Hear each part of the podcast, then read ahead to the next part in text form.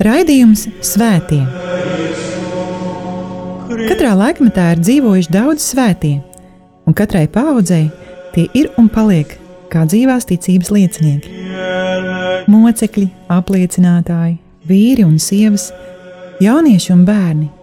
Svētie ir tik dažādi, gluži kā mēs, bet ir kāda īpašība, kura visus svētos vieno. Viņi mīlēja, mīlēja Dievu un cilvēkus. Raidījums par svētījumiem ir stāstījums par Dieva mīlestības reālo klātbūtni mūsu dzīvē. Santa Trinitas unos Deus, miserere Santa Maria,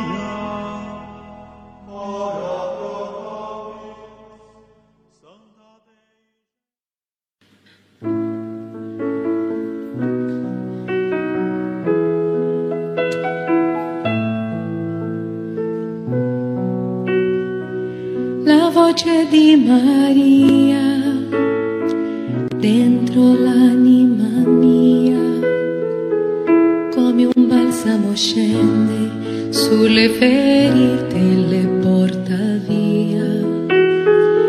La voce di Maria, dolce melodia che ci porta al cuore sempre di più nel cuore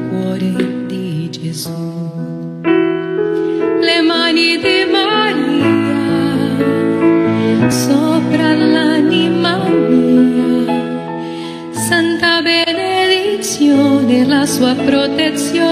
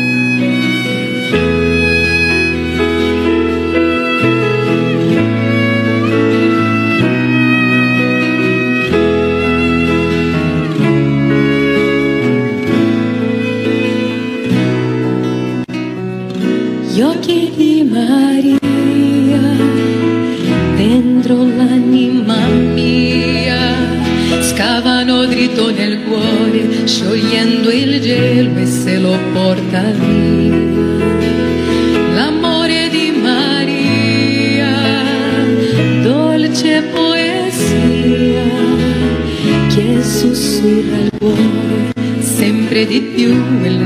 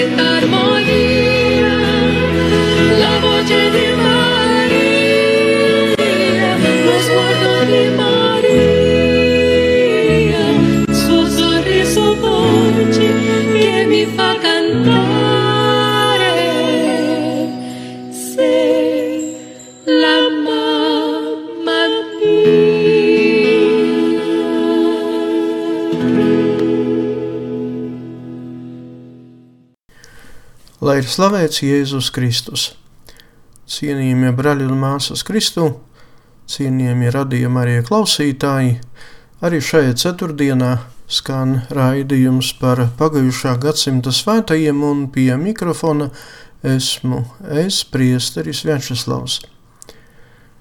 Svetīgais Bartolo Longo, kuram esmu šajā ceturtdienā veltījis raidījumu, ir dzimis 1841. gada 10. februārī Itālijas Laciano pilsētiņā, kas atrodas Brindīzi provincē.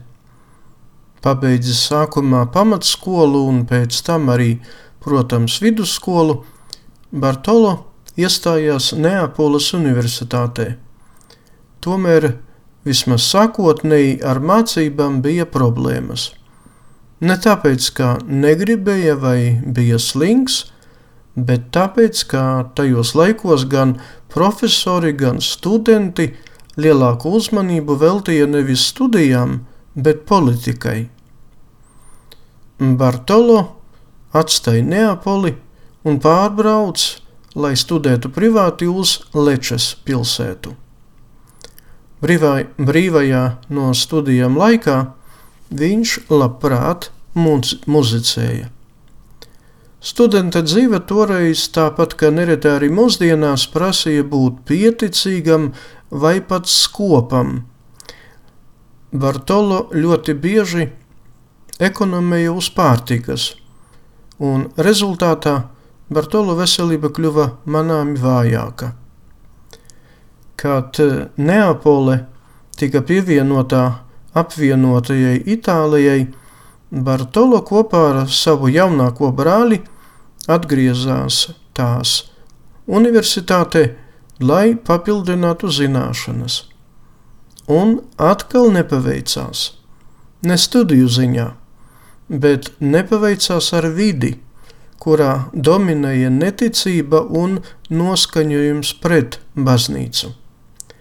Rezultātā Bartolo attālinājās no dieva un baznīcas.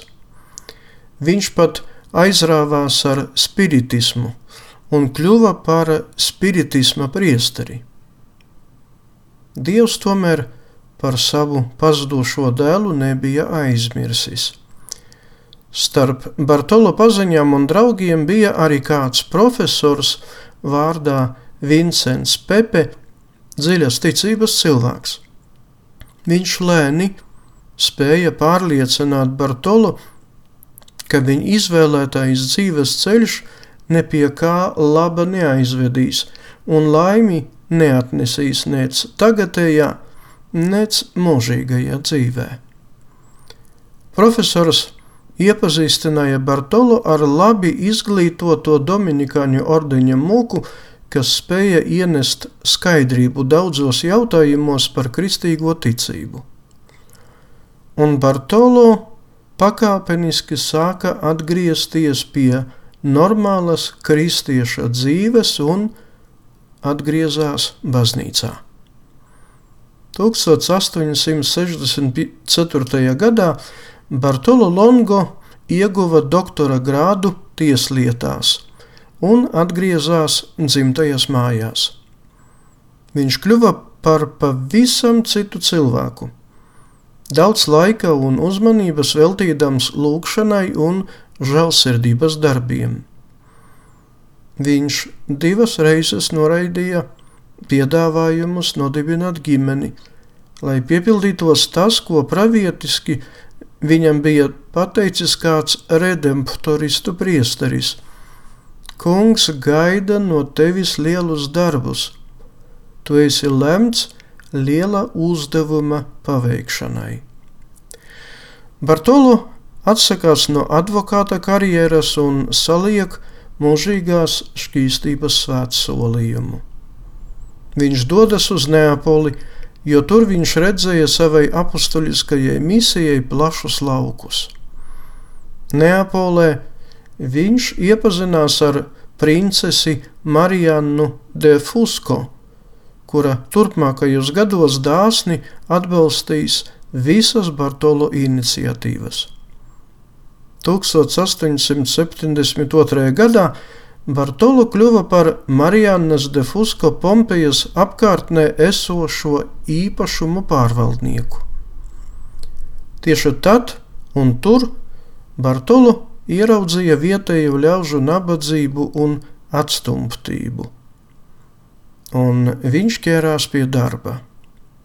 Viņš apmeklēja sava pārvaldījuma esošās apdzīvotās vietas, tikās ar cilvēkiem, mācīja katehismu, popularizēja rožu kroņa lūkšanu. Kādu dienu māsa Marija Končeta de Litala pārdeva Bartolo stipri bojātu rožu kroņa karalienes svētglaznu. Dievmātes, dievmāte bija attēlota uz audēkla. Bartolo atjaunoja šo svētglaznu un, izlūdzot prāvesta atļauju, novietoja to Pompejas nelielajā draudzes baznīciņā. Dievmāte par to bija patiešām pateicīga, dāvājot cilvēkiem šajā vietā daudzas žēlastības. Vēsts par brīnumiem izplatījās ļoti ātri, un pie svētglaznas nāca ar vien vairāk un vairāk svētceļnieku. Neliela draudzes baznīca kļuva par mazu un šauru, un Bartolo Longo paklausot Nolo dieceses bīskapam, uzsāka jaunas, daudz lielākas baznīcas celtniecības darbus. Darbi sākās 1876. gadā, un beidzās pēc 11 gadiem, 1887. gadā.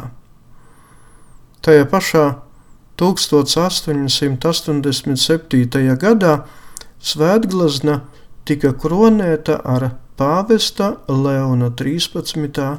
kroniem. piangenti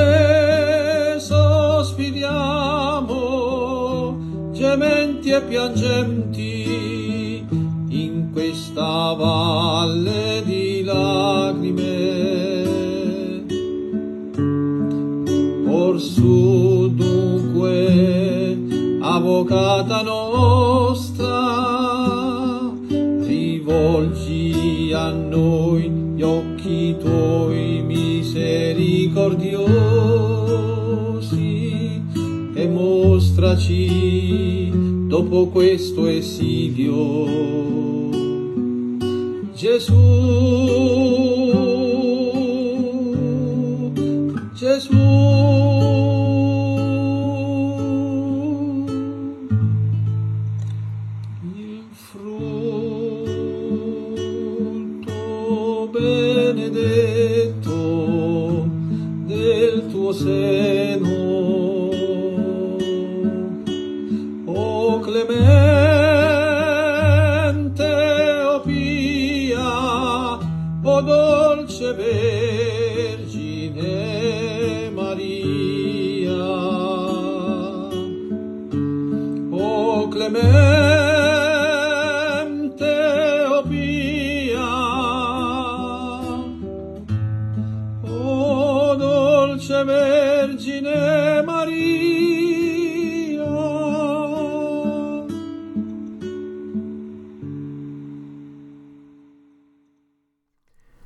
Bartolo ļoti vēlējās, lai šī svētnīca būtu ne tikai par lūkšanas vietu, bet arī par vietu, kurā plaukst žēlsirdības darbi.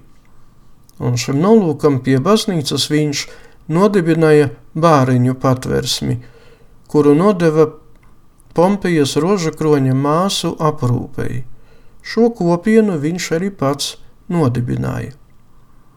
Longo nodibināja arī cietumu bērnu nodibinājumu cietumnieku bērniem. Viņš bija pārliecināts, ka šie bērni dzīvo pastāvīgā apdraudējumā. Viņu vecākus slikts piemērs un daudz kas cits varēja stipri bojāt bērnu trauslās dvēseles. Šo nodibinājumu vadīt Longo ielūdza kristīgo skolu brāļus. Bartolo Longo īpaši mīlēja lūgties un godināt Pompijas rožakroņa karalienes diamāti. Viņš sāka izdot nelielu laikrakstu ar nosaukumu Rožu kronis un Jaunā Pompeja. Izdeva daudz dažādu rakstu par rožu kroņa lūkšanu. Pats sevi nereti sauca par Marijas vecpuisi. Ārkārtīgi lielu cieņu un godbību izjuta pret pāvesta institūciju, un 1893. gadā veltīja visu, ko viņš paveica Pompejā, Romas pāvestam. Jāsaka, ka tuksnesis, kurā Longo nodibināja savas iestādes, pavisam drīz sāka piepildīties ar iedzīvotājiem. Tāpēc mūsdienās jaunā Pompeja ir pazīstama kā skaista un pievilcīga pilsēta. Vecā Pompeja ir romiešu pilsēta, kuru apraka lavīna Vezova izvirduma laikā 79. gadā pēc Kristus dzimšanas. Vērtīgākie atradumi mozaiku un sienu gleznojumu veidā tika pārvietoti uz Neapoles Nacionālo muzeju. Dažas ēkas tika rekonstruētas, atstājot tajās atrastos priekšmetus. Senās sienās tika atklātas dzīvojamu ēku pēdas, veikali, darbnīcas, trīs publiskās pirtis, teātris, amfiteātris, gladiatoru kazarmas un vairāki templi. Pompejas un Herkulānas atklāšanai no, no lavas apakšas ir liela nozīme, lai uzzinātu par seno romiešu dzīvi. Tomēr īsts magnets, kas mūsdienās piesaista desmitiem tūkstošu sveceļnieku uz šo apvidu, ir ne tikai vecā Pompeja, bet vispirms Rožakroņa diamātes svētnīca ar brīnumainu svētgleznu, kuru savā laikā Longo iegādājās 1875. gadā par astoņām karlīnēm. Mūsdienās bazilika ir pārklāta ar marmuru un zeltu. Varenais kupols pievērš uzmanību no tālienes. Lieliskais renesanses frontons tika pievienots 1901. gadā, un skaistais zvanu tornis tika uzcelts tādā pašā stilā 1925. gadā. Par Tolo Longo savā dzīvē bija arī daudz pārbaudījumu un ciešanu. Viņam un viņa darbiem nežēlīgi uzbruka brīvmurniecība un arī liberāļi. Avīzēs viņu nevis kritizēja, bet burtiski apspļāva un dažādi apmelnoja, saucot par, saucot par krāpnieku tumsoni. Bet Marijas vecpuisis priecājās, ka var ciest savas karalienes dēļ, un vēl vairāk izplatīja viņas godināšanu. Lai augtu viņa nopelni, Dievs savam kalpam netaupīja arī fiziskās ciešanas. Viņš tos izturēja, pakļaujoties Dieva gribai.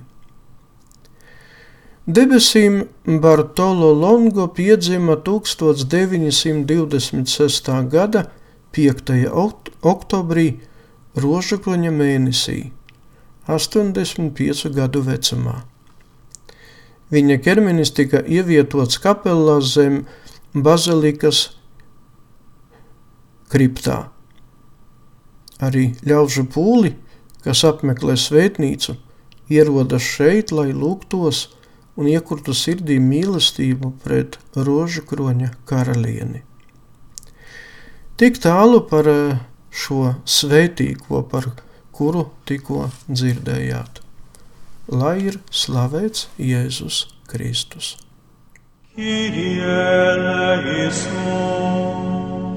Raidījums Svētie.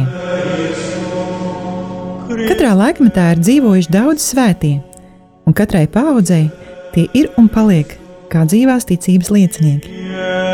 Mocekļi, apliecinātāji, vīri un sievas, jaunieši un bērni.